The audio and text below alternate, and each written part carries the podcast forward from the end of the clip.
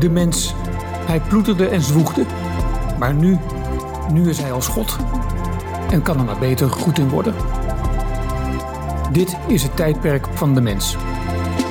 Welkom in het Anthropoceen. We leken zo goed op weg met de energietransitie. Windmolens langs de kust, zonnepanelen in onze akkers. Er komen zowaar nieuwe kerncentrales in Nederland. Maar dan ineens is daar de oorlog in Oekraïne. En die oorlog heeft ons denken over de energietransitie ingrijpend veranderd. Een einde aan goedkope energie, het begin van energietekorten en een diep besef dat we niet alleen afhankelijk zijn van Rusland voor fossiele brandstoffen, maar ook van China voor de grondstoffen die nodig zijn voor windmolens en zonnepanelen. Hoe nu verder? Daarover gaan we in gesprek met Roy op het veld, die als journalist al jarenlang de ontwikkelingen op het gebied van energiebeleid volgt, onder meer voor het Financieel Dagblad, Trouw en Vrij Nederland. Roy schreef onlangs een uitstekend boek, De strijd om energie, hoe we klem kwamen te zitten tussen energiecrisis en klimaatschade. En dat boek is een herziene editie van het boek dat hij eerder schreef in 2008 en waarin hij al een energiecrisis voorspelde. In deze podcast van Replanet Nederland en ecomodernisme.be praten we met Roy over de strijd om energie. Hoe kwamen we in deze crisis terecht? Komen we eruit? En zo ja, hoe dan? Welkom Roy op het veld. Fijn dat je er bent. Ja, dankjewel voor de uitnodiging. Leuk om er te zijn. Gefeliciteerd met je boek. Ja, dank je. Dank je. Een, uh, mooie, het is echt een mooi boek geworden. Je geeft een, uh, ja, een heel mooi kijkje ook achter de schermen uh, van het energiebeleid en de, en, en de, de strijd bij, bij energiebedrijven. Je beschrijft ergens een, een bezoek van Poetin aan Nederland. Mm, ja. en, en, en, hoe hij nogal een veeg uit de pan geeft aan de topman van Shell. Die zit echt met rode oortjes uh, te lezen bij dat soort uh, fragmenten. Dat ik een mooi, ja, je hebt een mooie verhalende manier eigenlijk verweven. Veel, ja, toch ook historische context. Ook niet Ja. te lang in de geschiedenis natuurlijk. Maar de- deze hele energietransitie heeft natuurlijk een, een lange aanloop. En ehm, ja, om de wereld van vandaag, de toestand van vandaag te begrijpen, ehm, geef jouw boek daar eh, ja, heel veel handvaten eh, die, ehm, ja, die gewoon heel relevant zijn in politiek en, eh, en, en bij bedrijven. Ja, ja. ja, dankjewel. Ja, ik heb er geprobeerd een soort journalistieke zoektocht van te maken en de lezer mee te nemen in ja, hoe ik eh, van het ene in het andere getuimeld ben. En zo Ja. ja. tot, tot, tot mijn inzichten gekomen ben. En eh, nou, ik, hoop, eh, ik hoop dat dat ja, ook wel bij de lezer voor wat inzichten zorgt. Omdat ik, ja, je merkt toch wel heel vaak dat er, ehm, ja, dat er heel veel simplificaties eh, eh, eh, rondgaan. En dat ja, het debat ook nu tussen zeg maar, de gevestigde orde en de klimaatactivisten, dus de behoorlijk aan het polariseren. Ja. En ehm, ik had met mijn boek wel echt ambitie om die kloof, die eigenlijk aan- groter aan het worden is, om die ook wel weer een beetje te, te overbruggen. Ja. Ja. Dat is misschien wel een te grote ambitie, want ja, beide zijden hebben het, naar eigen zeggen, het morele gelijk wel een beetje. Ja, ja, ja. Maar eh, nou, ik krijg wel Dit is, veel- een, eh, dit, dit is een aanpassing van, jou, van een boek dat eerder is verschenen. Ja. Ehm, en dat is een grondige aanpassing volgens mij. Wanneer dacht jij, het is tijd om dat boek eh, af te stoffen en opnieuw uit te brengen? Ja, eh, mijn vrouw zegt al een paar jaar dat ik een herziene versie moest schrijven. Dus die heeft Mhm. mij om te beginnen aangespoord. En ik heb vorig jaar een boek geschreven over mededingingsbeleid en kartelpolitiek. Dat is een totaal ander onderwerp. Maar toen, was ik, eh, toen dacht ik van hoe heb ik dat ook alweer gedaan met het vorige boek, met de proloog en de epiloog. Hoe had ik dat ook alweer opgebouwd? En toen ging ik in mijn epiloog teruglezen. Dat beschrijf ik nu ook in de proloog van dit nieuwe Ja. En ik ging in de epiloog teruglezen en toen ehm, las ik daarin dat ehm, eh, wij, het Westen eigenlijk te afhankelijk wordt van Rusland voor eh, zijn energievoorziening. En energievoorziening is toch de Achilleshiel een beetje van de economie. En ik vroeg mij af in 2008, wat doen we als Poetin de kraan dichtdraait? Vraagteken. Ehm, en ik was dat terug aan het lezen in vorig jaar. Eh, dus dacht ik van, hey, ehm, dit is nu eigenlijk super actueel. Toen was net eh, de Oekraïne-oorlog van start. En de gasleveranties werden eh, daadwerkelijk eh, afgeknepen. En toen heb ik de uitgever gebeld. die het boek in 2008 ook had uitgegeven. Die zei van ja, wij zijn hier toevallig net ook aan het nadenken over het feit dat we een boek over dit onderwerp nu moeten, moeten hebben. Mhm. Ja. En toen ja, was 1 en 1 snel 2. Maar en ja, aanvankelijk dacht ik nog, ik, ga, ik kan met misschien een, een kleine actualisatie, uh, kom ik er wel mee weg. Maar toen heb ik het nog eens helemaal teruggelezen. En dat boek, uh, ik denk dat veel van de mechanismes, zeg maar, die, die uh, geldig zijn voor die hele energiewereld en het klimaatprobleem, dat, dat klopte eigenlijk wel wat ik toen beschreven heb. Hè. Bijvoorbeeld dat ja, um, de macht van west naar oost aan het verschuiven is in die hele oliewereld bijvoorbeeld. Hè. Het zijn niet meer de westerse multinationals zoals Shell en Exxon die de dienst uitmaken. Het zijn steeds meer de staatsbedrijven zoals Saudi Aramco en Gazprom en noem ze allemaal maar op. Die hebben eigenlijk veel grotere reserves, veel grotere productie. Um, dat is allemaal nog steeds aan de hand. Maar ik had het allemaal geïllustreerd natuurlijk met, met gebeurtenissen uit de periode 2000-2008 ja, dan kun je in 2023 natuurlijk niet meer mee aankomen. Hmm. Dus uiteindelijk denk dat ik uh, ja, 80% van het boek herschreven heb. Dus eigenlijk, het voelt als een nieuw boek. Maar het heeft dezelfde titel als, als toen. Ja, ja. ja. Is er nou, ja, die wereld is natuurlijk voortdurend in beweging, hè? de wereld van energie en, en, politiek. Is er dan zoveel veranderd dat je, dat je het helemaal opnieuw moest, uh, moest gaan doen eigenlijk? En, en wat is er dan veranderd? Nou, wat erbij is, in 2008 was klimaat ook al een issue. Je had net um, in 2006, meen ik, de Inconvenient Truth van Al Gore gehad. Hè, dat, ja. Het verdrag van Kyoto was natuurlijk al in 1997, dus het, het bewustzijn rond klimaatvraagstuk was echt wel, uh, ja, stond wel op de radar, maar was niet zo pregnant en urgent als het nu uh, is. Dus dat is wel veranderd. Ik vond de rechtszaak van Milieudefensie tegen Shell, vond ik ja, journalistiek interessant, omdat het eigenlijk gaat over de vraag: wie is er nou eigenlijk verantwoordelijk dat het gebeurt? Hmm. is dat de overheid? Is dat het bedrijfsleven? Zijn dat de burgers? Of is het ineens de rechter? En gaat de rechter. Hè, dat is toch een beetje een, een vreemde positie die, uh, ja, die, die ineens uh, ontstaat hè, na het Urgenda-vonnis, nu ook het mm Shell-vonnis. Dacht ja, uh, dus ik heb door die zaak, zeg maar, in het eerste hoofdstuk neer te zetten, heb ik geprobeerd ja, een beetje scene setting uh, voor de rest van het boek. Wat zijn nou de grote ontwikkelingen? Ja, en ik denk dat een van de belangrijkste vraagstukken is nu. Uh, wie voelt zich verantwoordelijk om de energietransitie uh, ja, niet alleen een beetje aan de gang te houden, dat iedereen gewoon iets doet. Uh, maar wie is er dan verantwoordelijk hmm. ja, dat, dat de doelstellingen uit bijvoorbeeld het Parijsakkoord, dat die gehaald worden? Wie hmm. voelt zich daar verantwoordelijk voor. En als het meerdere partijen zijn, ja, dan, ik weet zelf als leidinggevende, uh, ooit bij de krant, ja, als er meer dan één iemand verantwoordelijk ergens voor is, dan is niemand verantwoordelijk. Mm. Wie zorgt nou um, ja, dat het. En als het een vervelend, als het een vervelend klusje is, dan gaat iedereen naar elkaar wijzen. Dus de, ja, energiebedrijven wijzen. Begin maar bij de ander. Ja, politiek wijst naar de energiebedrijven en ook nog naar de burgers. En de burgers wijzen naar de politiek. Ja. En, en uiteindelijk wachten we allemaal op elkaar. Ja. En gebeurt er wel iets, maar lang niet genoeg. Ja, zeker. Ja.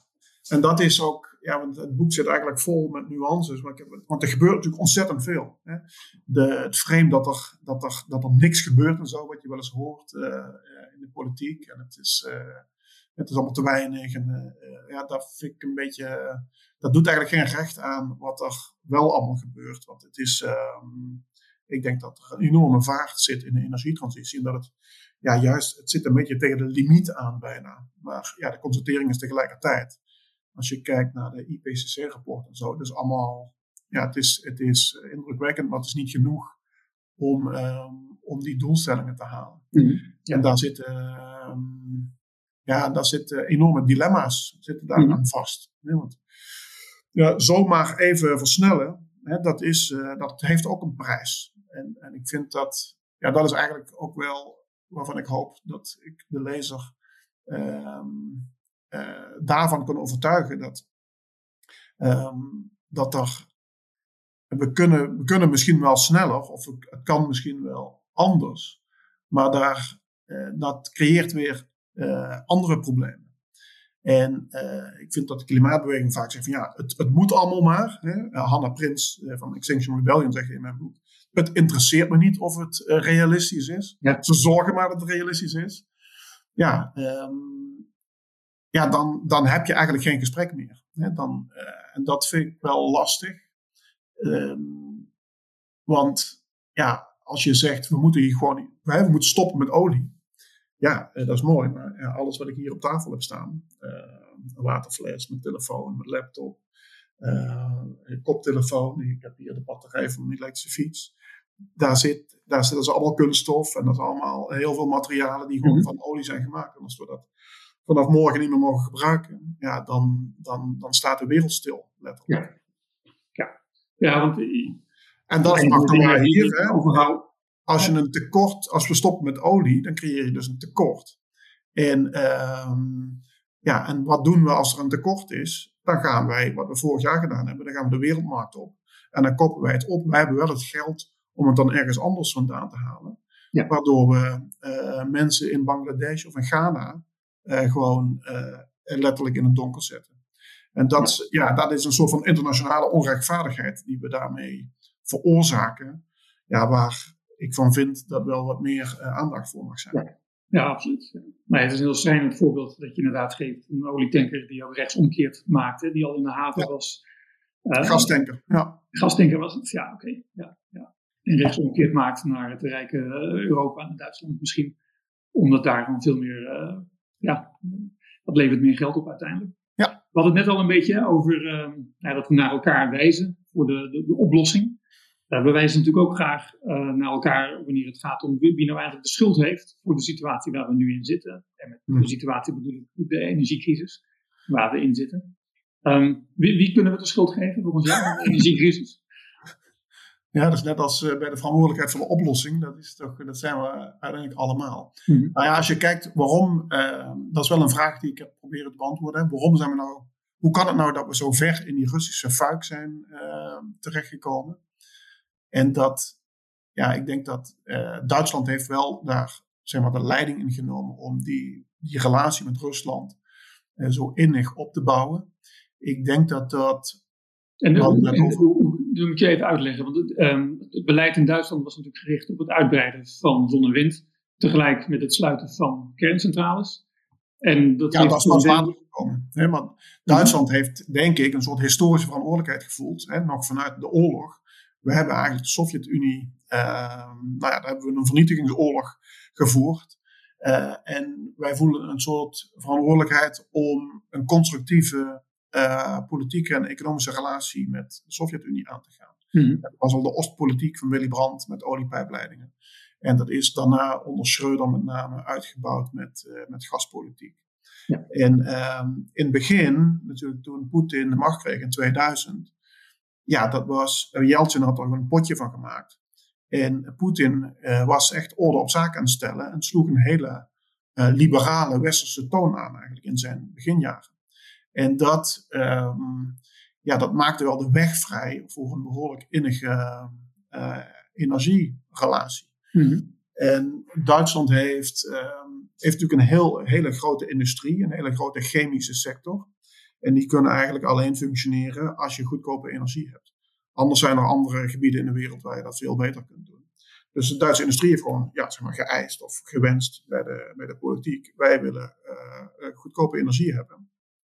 En dat kunnen we krijgen in Rusland. En, hè, dus, dus die zakelijke belangen en de, en de politieke verantwoordelijkheid, die dreven eigenlijk naar, uh, naar de uitbouw van die, van die relatie toe. En nou, het schijnt dat Merkel een soort van uh, vuistregel had. We mogen niet meer dan 25% van ons gas eigenlijk uit, uit Rusland halen. Um, en dat, nou ja, dat is lang ook een leidraad geweest. Maar er zijn een paar gebeurtenissen geweest waardoor dat, ja, die vuistregel uh, vergeten is. Ja, het is meer richting de 40 of zo gaat het nu? Wat zeg je? Gaat het meer richting de 40 procent nu? Ja, het was uh, tot de Oekraïne-oorlog was het, is naar de 40 procent gekropen. Ja, precies. Ja. En dat komt omdat, um, omdat inderdaad uh, na de kernramp in Fukushima hebben de Duitsers eigenlijk hals over kop besloten om te stoppen met om kerncentrales uit te verseren. En ze hadden dan nogal wat. En, um, en ze hebben weliswaar, ze zijn al lang bezig met die energiewende en zonnepanelen en windmolens. Als je door Noord-Duitsland rijdt, hè, dit steekt echt van de windmolens. En ja, overal hebben ze wel uh, zonnepanelen. Dat gaat wel heel hard.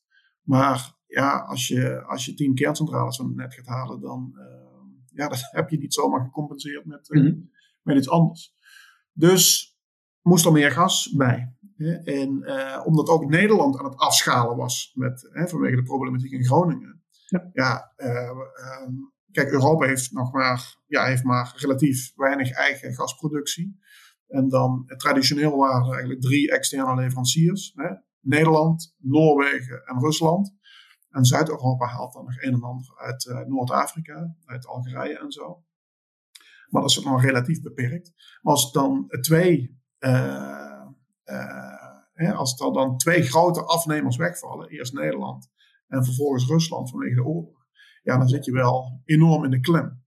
Ja. dus wie is dat schuld? Nou, um, dat is natuurlijk ja, een moeilijke vraag. Hè. Dat is, um, ik denk dat je best wel um, de sympathie en begrip en ja, ook wel, ik denk wel goed, op zich een goed principe was van Duitsers om te zeggen, ja, wij moeten handel door wandel. Hè. We willen een constructieve relatie met Rusland opbouwen. We moeten, als we economisch wederzijds afhankelijk zijn, dan voorkomt dat uh, politieke en, ook militaire narigheid. dat, uh, dat is denk ik een goed principe. Maar als het ja, uit de hand loopt en je gaat naar 40% afhankelijkheid, en iemand maakt toch een politieke ontwikkeling door die niet, uh, die niet gunstig is, kunnen we nu wel vaststellen, ja. dan, uh, dan word je gewoon chantabel. En ja. dat is uh, natuurlijk wel gewoon gebeurd. Zijn we dan niet gewoon veel te naïef geweest al die tijd? Ja, ik denk, kijk, er is geen bewuste beslissing geweest natuurlijk om te afhankelijk te worden. dat is gebeurd doordat de omstandigheden veranderden. Um, en dat, ja, dat, kun je natuurlijk, dat is natuurlijk achteraf gezien, is dat naïef. we zijn te afhankelijk geworden. Uh, omdat, en ik denk, hè, daarom er is geen politiek besluit om van 25 naar 40 procent te gaan. Kijk, gas wordt gekocht niet door overheden, maar door bedrijven. Hè, BASF uh, koopt gas in bij Gazprom. En in Nederland koopt Vattenfall voor zijn centrales gas in. die, -hmm. er zitten een aantal mensen op het ministerie van Economische Zaken die bedrijven helpen bij het contracteren van grote hoeveelheden aardgas. En ieder individueel bedrijf wil natuurlijk de goedkoopste optie hebben. Of de makkelijkste optie hebben. we hadden vijf jaar geleden natuurlijk kunnen zeggen, nou, we worden misschien wat afhankelijk van Rusland. Laten we wat meer gas kopen in, uh, in Algerije, in Qatar of, uh, of waar dan ook. Uh, dat had gekund, hè, maar dan had er daar ter plekke meer investeringen moeten plaatsvinden in winning en in het vloeibaar maken van het gas, zodat het per tanker hier naartoe kan komen. En die opties die waren allemaal duurder dan Russisch gas, die gewoon de kraan ietsje hoeven op te draaien, de pijpleidingen uh, lager of verder aangelegd. Mm dat was altijd goedkoper. Dus iedere individuele beslissing leidt logischerwijs tot, tot de optie van, van Russisch gas. En, um, maar bij elkaar opgeteld levert dat gewoon een te grote afhankelijkheid. Ja. En dat is de makke van, uh, van de liberalisering van met name de gasmarkt. Is dat ja, de marktwerking, uh, nou, dat brengt perfect vraag en aanbod bij elkaar. Maar vrije marktwerking zorgt er niet voor dat er voldoende aanbieders zijn. Hè, dat is wel echt iets waar de overheid regie op moet blijven voeren. En dat uh, heeft heel, heel, Europa gewoon nagelaten. Mm -hmm. Je zou toch denken, um, als er een vrije markt is, dan zijn er allerlei bedrijven die erin willen springen om zoiets belangrijks als energie te gaan leveren.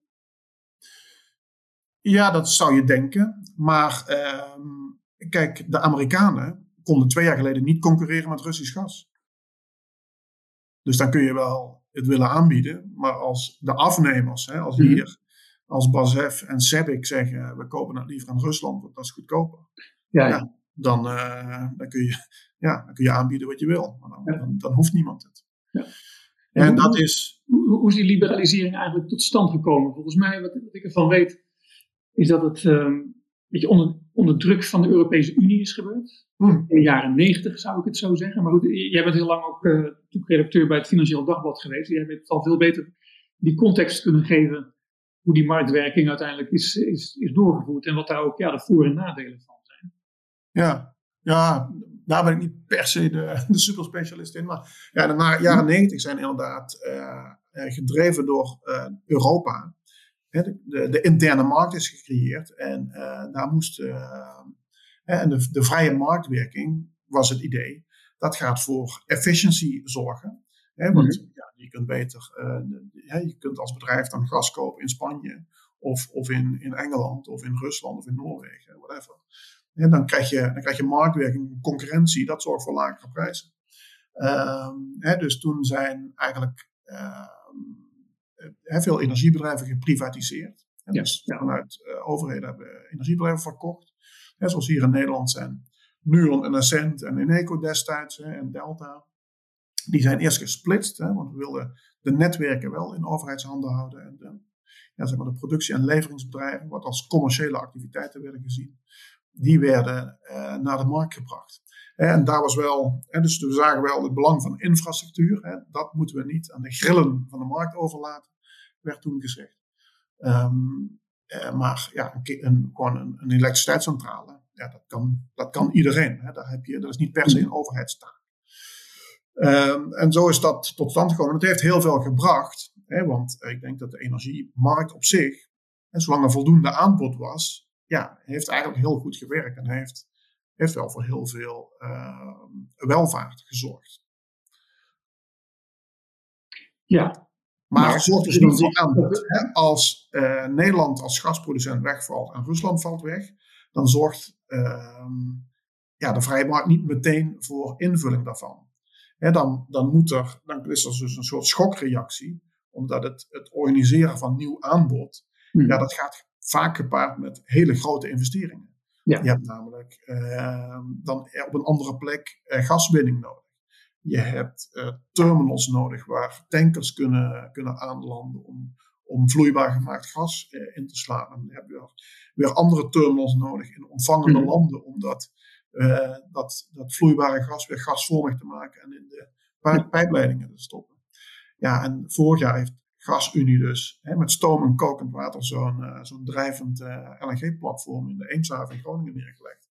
Ja, daar, waren, daar was anders, er was jaren uh, voor nodig geweest om daar de vergunningen en noem het allemaal op voor, voor klaar te krijgen. Nu hebben ze het een paar maanden gedaan. Ja. Dat is allemaal wel super indrukwekkend. Um, maar als je nu van, van de energiebedrijven, als je dat weer in, in handen van de overheid zou geven, vanuit het idee, de energievoorziening is gewoon zo belangrijk, dat moet weer gewoon een, staatsonderneming worden. Een nutsbedrijf, dat is een ouderwets woord eigenlijk. Maar zo was het natuurlijk heel lang. Dan kunnen die, die nutsbedrijven onderling toch ook een handel met elkaar voeren. Maar heb je gewoon veel meer regie en, en daardoor veel meer sturing op ook de productie van energie. Uh, ja, dat kan. Dat is een model. En uh, eh, SP pleit er ook voor in Nederland om weer uh, alles te nationaliseren. Ja, ik denk als je internationaal kijkt, um, ja, dat zijn hè, zeker de, de, Franse bedrijven en de Duitse bedrijven. Ja, mhm. ja. Uh, dat, gaat, dat wordt ook niet genationaliseerd, denk ik. Maar ik denk, ja, ik denk dat de overheid niet beter dan uh, de energiebedrijven in staat zijn om zeg maar energie te leveren. Mm Ik denk wat wel noodzakelijk is en wat, wat we geleerd hebben afgelopen jaar, is dat wel regie op de aanbodkant, dat we dat hebben laten verslappen dat dat eh, absoluut noodzakelijk is voor de overheid om bij betrokken te zijn. Hmm. Het is gewoon een publiek belang dat de energievoorziening gewoon geregeld is. En, heb, heb je het idee dat die les voldoende... Dat was het niet. Ja, heb je het idee dat die les voldoende wordt geleerd op de plekken waar het ertoe doet? In de, in de politiek, niet alleen in Nederland, maar ook in de Europese Unie? Nee. Nou, nu dat besef begint natuurlijk, nu natuurlijk wel door te dringen. Als je nu kijkt naar, hè, je zei in de inleiding al, hè, we worden we zijn, we zijn nu afhankelijk aan het raken van andere landen voor alle grondstoffen en metalen die we nodig hebben. Bijvoorbeeld om windmolens te bouwen, om zonnepanelen te bouwen, hè, allemaal dat soort zaken. Batterijen. Um, ja, en daar, ja, daar zijn nieuwe afhankelijkheden ontstaan. Eigenlijk de afgelopen twintig jaar hebben China en ook Rusland daar ja, al posities ingenomen. En daar hebben we eigenlijk een beetje zitten slapen. En worden nu pas wakker en hmm. ontdekken ja, uh, en daar is Europa en ook de Verenigde Staten met name zijn er wel mee bezig. Hè, om zich maar zelf de toeleveringsketens op te zetten. Om, um, kijk, je hoeft niet 100% onafhankelijk te worden van China. Maar we zijn nu al heel kwetsbaar. Ja. ja en, dat, uh, en die les, uh, ik weet niet of die helemaal uh, getrokken is. Ik ben eigenlijk bang van niet. Ik had bijvoorbeeld, ik heb minister Jette geïnterviewd en ook gesproken over uh, we gaan straks naar groene waterstof voor een belangrijk deel van de industrie en zo. Uh, niet alleen als energiedrager, maar ook als grondstof hè, uh, in plaats van olie en gas. Ehm, en we gaan zelf waarschijnlijk wel flink wat waterstof maken. En we gaan veel meer windmolens op de Noordzee neerzetten dan we zelf elektriciteit verbruiken. Mhm. Dus, en de rest van die elektriciteit die je over hebt, die kun je dus gebruiken om waterstof te maken, groene waterstof. Ehm, maar we hebben zoveel nodig. Als je kijkt naar de industrie, de luchtvaart, de scheepvaart, uh, de huishoudens nog, zware mobiliteit. Ja, de behoefte aan, aan ja, zeg maar een alternatieve energiedrager, die wordt zo groot. Dat kunnen wij nooit zelf produceren. Dus we hebben uh, ja, voor meer dan de helft of zo van, van de groene waterstof behoefte, ja, zeg maar over 20 of 30 jaar, hebben we echt grote hoeveelheden import nodig. Nou, en uh, Economische Zaken is bezig om met Chili, met Spanje, uh, met Qatar, met een aantal landen alvast uh, samenwerkingen op te tuigen. zeg maar vooruitlopend op de import van groene waterstof. Want die landen hebben allemaal veel zon of veel wind, in ieder geval veel goedkope mhm. duurzame energie. Die ze kunnen gebruiken om zeg maar, water te splitsen in zuurstof en waterstof. En dat ook vloeibaar te maken of daar ammoniak van te maken of iets dergelijks. En dat dan uh, naar de Rotterdamse haven of naar de Eemshaven te sturen of naar de Amsterdamse haven.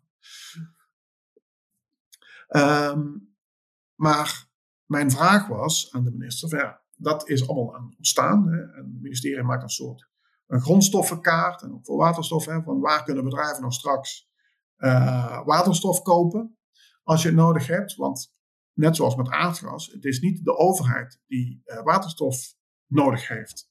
Hè? Op het ministerie zelf, ja, dan willen ze gewoon, nee, die hebben alleen een, een lichtknopje en de computers moeten mm dus die hebben elektriciteit nodig. Dat kopen ze in bij, weet ik veel, bij Vattenfall of bij Eneco. Dat hè, kopen ze natuurlijk gewoon ergens in. Maar het zijn de bedrijven die, die waterstof nodig hebben. Het zijn de chemiebedrijven die die waterstof nodig hebben. Dus die gaan straks komen. Dus gaat daar straks nou dezelfde situatie ontstaan als we met aardgas in Rusland hadden? Neem even een denkbeeldig voorbeeld. Stel dat straks blijkt dat Algerije het land is die het beste en het goedkoopste in staat zijn om groene waterstof te leveren. Dan gaan al die bedrijven de keuze maken voor Algerije om uh, waterstofleverancier te zijn. Hmm. het kan ook een willekeurig ander land zijn. Hè? Ik, uh, ik, noem het maar als voorbeeld. Ehm, wat zorgt er dan voor dat we onze, onze aanvoer van die toekomstige energiedrager diversificeren over meerdere landen. Als al die bedrijven steeds weer dezelfde, uh, op zich voor die individuele beslissing, de meest logische keuze maken voor Algerije. Hè, hoe gaan we dan zeker stellen dat we toch vijf grote leveranciers hebben? Hmm. Zodat als er eentje wegvalt door oorlog, eh, politieke spanningen of welke reden dan ook, ja. dat je dat uh, kunt vervangen met een alternatief.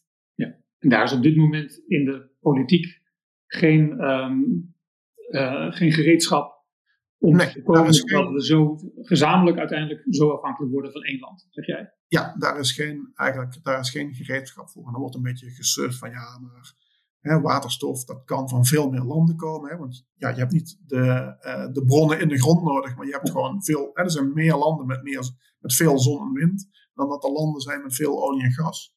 Hè, dus de kans op een afhankelijkheid is misschien wel iets minder groot.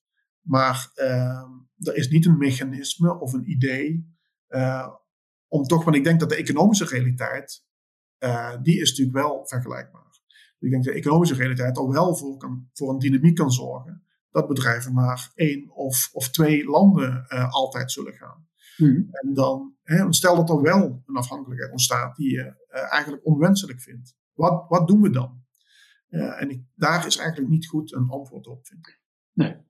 Maar is die, um, we zeggen wel vaak, we zijn zo afhankelijk van China voor, voor grondstoffen, onder meer voor zonnepanelen en windmolens. Maar zijn dat niet ook grondstoffen die gewoon in Europa in de grond zitten, maar die we er gewoon laten zitten, omdat wij hier in Europa liever geen mijnbouw willen? Ja. Zou dat niet moeten veranderen dan? Dat we onze grondstoffen meer uit, uh, ja, uit het Europese continent zelf uh, gaan halen. Ja, ja, ja, er zijn. Uh, er zijn een aantal uh, initiatieven geweest om ja, zeg maar, mijnbouw op te starten in Europa. Uh, Die sneuvelen vaak. Ja. Uh, eentje in Zweden, geloof ik, die al is gesneuveld. Eentje in Groenland is gesneuveld, omdat er ook radioactiviteit, hè, zeg maar, het materiaal radioactief was. En, nou, dan zijn er snel allerlei bezwaren. Het en heeft, veel, my te maken met, met milieumaatregelen, met een soort um, ja, voorzorgprincipe bijvoorbeeld. Om, om, die eigenlijk in de weg staan op dit moment om hier mijnbouw in Europa echt ja, meer van... Het is moeilijker om in Zweden een mijn op te starten dan in Congo. Ja. Om nog iets te noemen. Dus is het makkelijker om het daar te doen.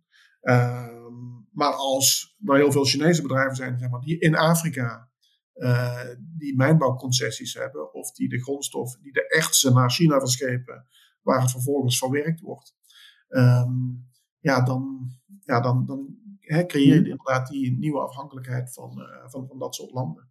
Ja. En daar moeten we ook diversificeren. Hè, net zoals we dat uh, nu eigenlijk met stoom en koken en water met aardgas hebben gedaan. Ja. Ja. En we eigenlijk ook met waterstof zouden moeten gaan doen. En uh, wat we ook met grondstoffen meer moeten gaan doen. Mm Daar is natuurlijk wel Europees beleid op, hè, maar ehm, ja, dat moet wel nog gebeuren. Ja. En, en de winning van gas in, in Groningen, we willen er vanaf vanwege aardbevingen. Daar zijn besluiten over genomen in de politiek. Ja. Maar dat gas zou nu wel heel erg uh, nuttig zijn. Zie jij voor je dat we daar toch weer meer gas vandaan halen uit Groningen? Nou, ik denk, ik denk dat dat, ja, ik denk dat het heel goed zou zijn, maar ik denk niet dat het realistisch is. Ik denk dat het, uh, wat er nog aan Russisch, of aan Russisch, sorry, aan Gronings gas over is, ja, zou echt nog wel wat um, het verschil kunnen maken in ja, in zeg maar, het stabiliseren en het tot rust brengen van die gasmarkt. Wat nu al natuurlijk veel rustiger is dan een jaar geleden. Um, maar we hebben het gewoon, ja, om maar onparlementair te zeggen, we hebben het gewoon verkloot in Groningen. We ja. hebben het vertrouwen van, uh, uh, van de Groningers verspeeld.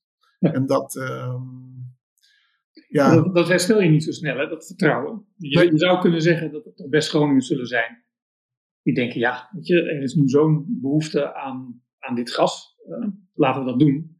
Maar onder bepaalde voorwaarden. Maar het wantrouwen zal in Groningen zo groot zijn, dat, dat ook de beloftes voor uh, rijkelijke vergoedingen bijvoorbeeld, die zullen niet worden geloofd. Nee, nee, en kijk, ja, ik denk dat we, we zijn uh, we zijn eigenlijk, de, ik denk dat we de fase van de rationele argumenten voorbij zijn. Als het om Groningen gaat. Net zoals in Duitsland uh, de fase van de rationele argumenten als het gaat om kernenergie uh, voorbij is. Mm -hmm. het is een soort taboe onbespreekbaar geworden. Om de, en dat zijn we zelf, hebben we aan onszelf te wijten. Um, en ja, de enige optie, denk dat ik dat in het boek ook noem, is volgens mij moeten we zeggen, het gas wat in Groningen nog in de grond zit, dat is van de Groningers. En zij moeten maar bepalen wat we daarmee doen, of wat ze daarmee doen. Um, en ja, zij, als zij beslissen, uh, dat zou ik wel een interessant uh, gedachte-experiment vinden. Of, ja. uh, laat de Groningers beslissen of ze, of ze nog de gaswinning willen toestaan. En de opbrengsten, die zijn voor de Groningers. Mm. Ja. En daar kunnen zij nieuwe huizen van bouwen, de, de economie mee versterken. Dus per definitie tijdelijk. Hè? Want ja, het Groningenveld ja, was ooit, hè, staat in de top 10 van grootste velden uh, aller tijden hè, in de wereld. Het Groningen gasveld is echt, uh, mensen weten dat niet vaak, maar het is echt een, uh, een enorm, enorm gasveld. Ehm, daar is al heel veel uit gewonnen, maar er zitten nog een paar honderd miljard kubieke meter in die winbaar zijn. Um, en die Europa nog wel door de transitie kan helpen. Uh, ja. Want het, het, het, gas wat we nu uit Amerika halen, ja, dat is ja. Uh, ja de CO2-footprint van dat gas. Is je dramatisch veel slechter dan uh, als we het hier uit Groningen zouden halen. Maar ik hoor jou zeggen, dus aardgas in Groningen, dat is van de Groningers. Je, je noemde net in het voorbijgaan ook de Duitsers en hoe zij met kernenergie omgaan. Dat is ook voorbij de ratio onbespreekbaar geworden. Ja. Maar zou er dan niet iemand ergens met vuist op tafel moeten slaan en denken, ja, maar we hebben gewoon prima functionerende kerncentrales in Duitsland. We hebben gas in Groningen. Dit is gewoon nu heel erg nodig. Gewoon aanzetten die boel. Ja.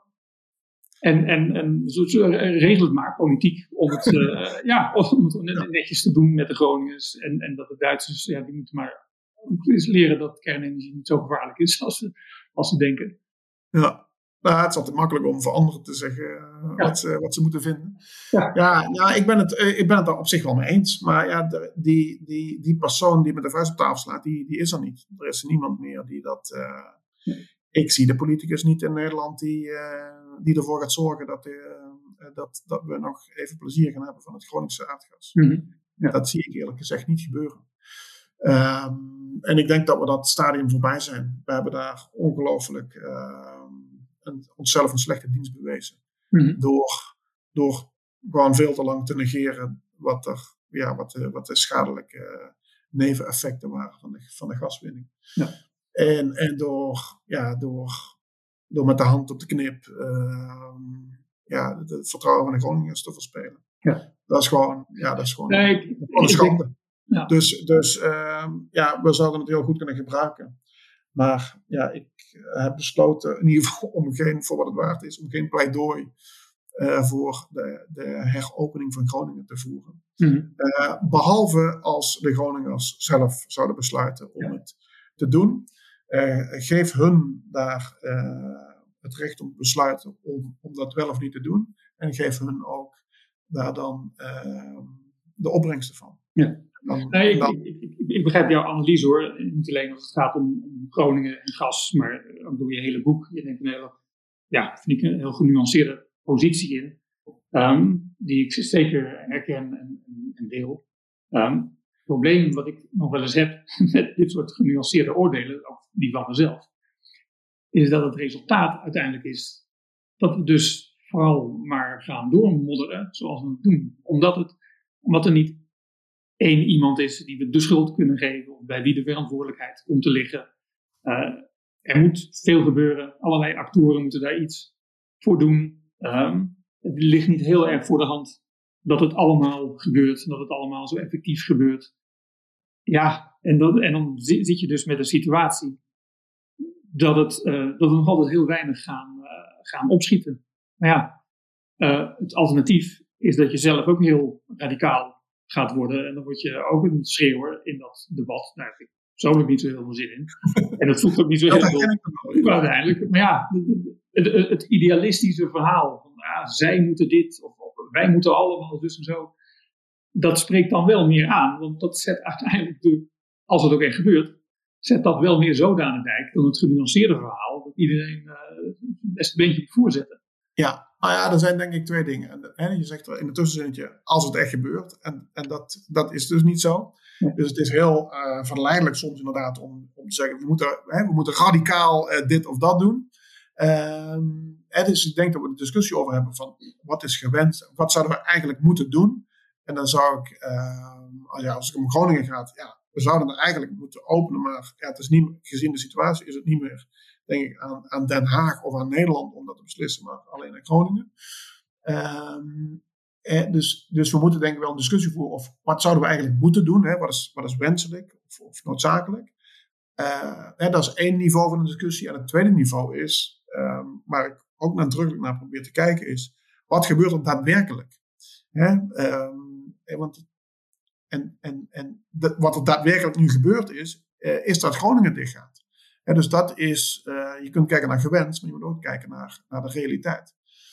En ja, dan, ja, dan, en dan blijven er, eh, ja, dan moeten we nog even Amerikaans of eh, gas uit het Midden-Oosten eh, importeren. Zolang we het nog, nog nodig hebben. En dat is wel, ja, en kijk, er zijn heel veel opties in de transitie. Ehm, en ik ben zelf wel tot de conclusie gekomen, ja, als je er nog kans wil maken om enigszins in de buurt eh, van eh, de anderhalve graad te komen, of onder de twee, Hmm. ja, dan kun je eigenlijk eh, nergens nee meer tegen zeggen. Hè? En iedereen, er is altijd wel iemand die een bezwaar heeft tegen een, bepaalde optie. Of het nou om kernenergie gaat, of om CCS, of om Ja. windmolens zelfs, zonnepanelen. En je kan voor al die opties kun je nadelen opnoemen. En voor sommigen zijn die nadelen ook zo zwaarwegend dat, dat ze zeggen, moeten we niet doen. Ehm, maar iedere nee ehm, vergroot de kans dat we klimaatdoelen niet halen. Dus mijn uitgangspunt is, we moeten overal ja tegen zeggen. Mhm. Dus dat als je het hebt over het niveau van eh, wat zouden we moeten doen, en los van de vraag van wat is realistisch en wat gebeurt er daadwerkelijk, het niveau van wat moeten we doen, zeg ik, we moeten alles doen. We moeten kernenergie doen, we moeten CCS doen, we moeten windmolens doen, we moeten zonnepanelen doen, we moeten waterstof doen. Eh, we moeten allemaal doen. Sparen. Ja.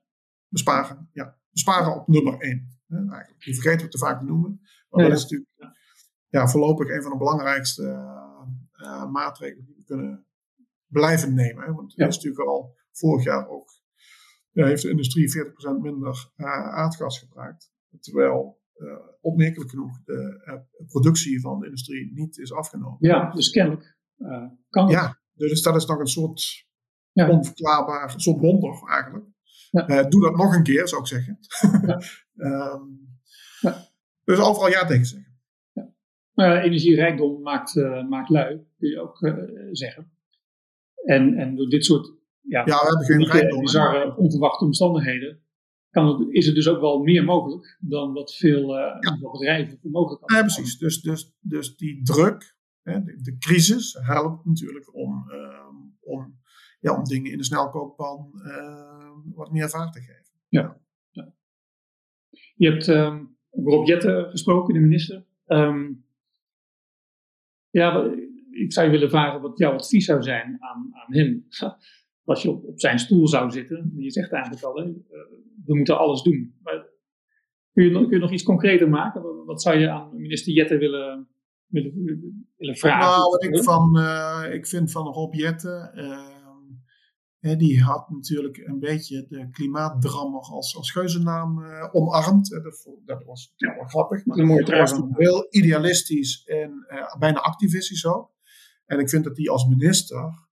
Uh, je kunt er heel veel, er zijn best mensen die veel kritiek op hem hebben. Maar ik vind dat hij als minister. heeft wel echt de stap gemaakt. van dat idealisme naar wat kan ik in, de, in de dagelijkse praktijk voor elkaar krijgen. En dat vind ik echt wel een. Uh, ja, ik vind dat hij dat goed doet. Ik wou dat alle idealisten en activisten in hun hoofd die stap zouden maken van. Uh, ja, wat, hè, wat, wat wil ik?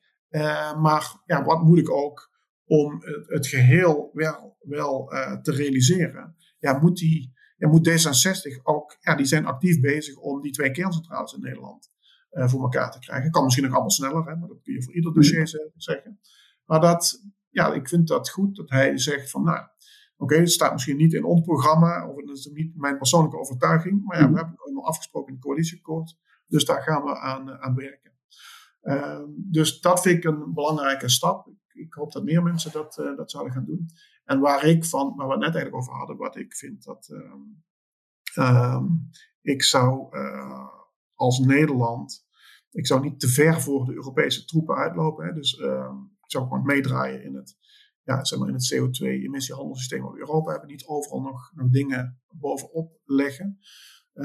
Het is mooi om voorop te lopen, maar het is denk ik ook mooi om gewoon gezamenlijk uh, één lijn te trekken. En ja, wat ik uh, vind is, en waar we het net ook over hadden, waar ik me zorgen over maak, is zorg nou dat die internationale afhankelijkheden uh, niet tot kwetsbaarheden leiden. En dat is denk ik um, iets wat ook nog wel meer aandacht mag mhm. krijgen. Ja. Met, uh, de politiek. Ja. Je hebt, uh, tot slot hoor, je hebt uh, Jette gesproken, maar je hebt een hoop mensen gesproken. Jan ja. Palau bijvoorbeeld heb je opgezocht in uh, ja. Ja. Donald Polsen van Milieudefensie ja. heb je uitgebreid gesproken. Ook mensen die hoog bij Shell zitten en nog een hoop, hoop anderen. Van wie was jij nou het meest onder de indruk? Um, ik was, ik kom niet heel veel aan het woord, maar ik was eigenlijk wel gecharmeerd van de nieuwe directeur van BP in Nederland. Ehm, een jonge uh, uh, vrouw, Karen de Lathouder. En zij ja, vertegenwoordigt denk ik wel uh, ja, een soort nieuw verfrissend geluid in die olieindustrie. Um, die ja, ook niet per se negatief is, bijvoorbeeld over die Shell-zaak. Ja, we moeten uh, Ehm, we moeten de verbinding met de samenleving niet verliezen. Hè. Dus, dus die zaak is interessant. Hè. We moeten dus meer onze verantwoordelijkheid nemen. Nou, dus zij staan heel erg open voor, ja, voor de urgentie die in de maatschappij wordt gevoeld en die ook wordt geuit. Uh, maar goed, ze, ze, kaatst de bal ook terug, denk ik op een goede manier. Dus zij zegt van ja, uh, wij kunnen morgen stoppen met benzine verkopen. Hè. Ehm, maar stop jij morgen dan ook met tanken? Uh, dat is denk ik wel een goede wedervraag om na te denken over ja, wat, waar ligt nou die verantwoordelijkheid inderdaad? Ja. Hè? ja, want zo schuiven we elkaar de bal toe natuurlijk. Zo houden we elkaar in de houtgrip. Nee, dat is wel waar, maar zij, daarmee zegt zij wel iets belangrijks, namelijk wij, wij kunnen het aanbod wel verlagen, maar daarmee is de vraag niet weg. Mhm. en en uh, ik denk dat uh, de overheid moet dus heel erg sturen op, het, op de verandering van die vraag. En dat, dat doet Europa uh, bijvoorbeeld heel effectief door te zeggen: we gaan vanaf 2035 uh, verbieden dat er nog nieuwe brandstofauto's worden verkocht. Dus de hele oliesector en de hele uh, autosector kunnen zich nu dus, die moeten dus vaart maken met zich voor te bereiden op het jaar 2035. Of ja, en, en daarnaartoe zullen natuurlijk steeds meer elektrische auto's op de markt komen. Steeds meer. Hè? Elektronen zijn het nieuwe benzine. Dus die bedrijven hebben nu de tijd om zich aan te passen aan die, uh, aan die vraagverandering. Dus zij kunnen nu het aanbod aanpassen aan, aan de vraag die door beleid veranderd wordt. Uh, en dat is denk ik effectiever dan dat je het andersom doet. Dat je zegt van, ja, uh, wij gaan Shell ehm, uh, dwingen om zijn aanbod te verlagen. Maar daarmee heb je het probleem niet opgelost. de verslaving in olie en gas lossen wij niet op door één of twee dealers van de straat te halen. En we moeten dat verbruik aanpakken. Of ja, we moeten het allebei doen natuurlijk. En maar we mogen die vraagkant niet vergeten. En dat is ja, ook vanuit die klimaatbeweging, zeg maar, ja, wordt er heel erg geduwd op de oliemaatschappijen. En daar is op zich nog wel, daar ligt wel een verantwoordelijkheid. Maar er ligt ook een verantwoordelijkheid aan de andere kant. En dat moet meer hand in hand gaan om, denk ik, ja, dat klimaatbeleid effectief te maken. Want alleen schreeuwen dat het anders moet, of dat het minder moet, ja, daar los je het niet mee op. Ja. Helder. Roy op het veld, bedankt voor dit gesprek. Graag gedaan. En luisteraar, u bedankt voor het luisteren. Um, spoed u naar de boekhandel voor een exemplaar van de strijd om energie. Ontzettend leuk boek. Als u het onderwerp van de energiecrisis interessant vindt, luister dan ook nog eens naar een eerdere uh, aflevering van de Welkom in het Anthropocene met Joris van Dorp als gast, die ook over de energiecrisis uh, sprak. Sowieso leuk om eens in het archief uh, te duiken natuurlijk, waar hele andere thema's naar voren komen. Volg ons, deel deze podcast met uw vrienden, abonneer u via ons kanaal op de bekende platforms Spotify, Soundcloud of YouTube. Deze podcast is een samenwerking van Replanet Nederland en ecomodernisme.be. Mijn naam is Marco Visser en mijn dank gaat uit naar Roman van Ree, techniek. Dank voor het luisteren. Graag de volgende keer.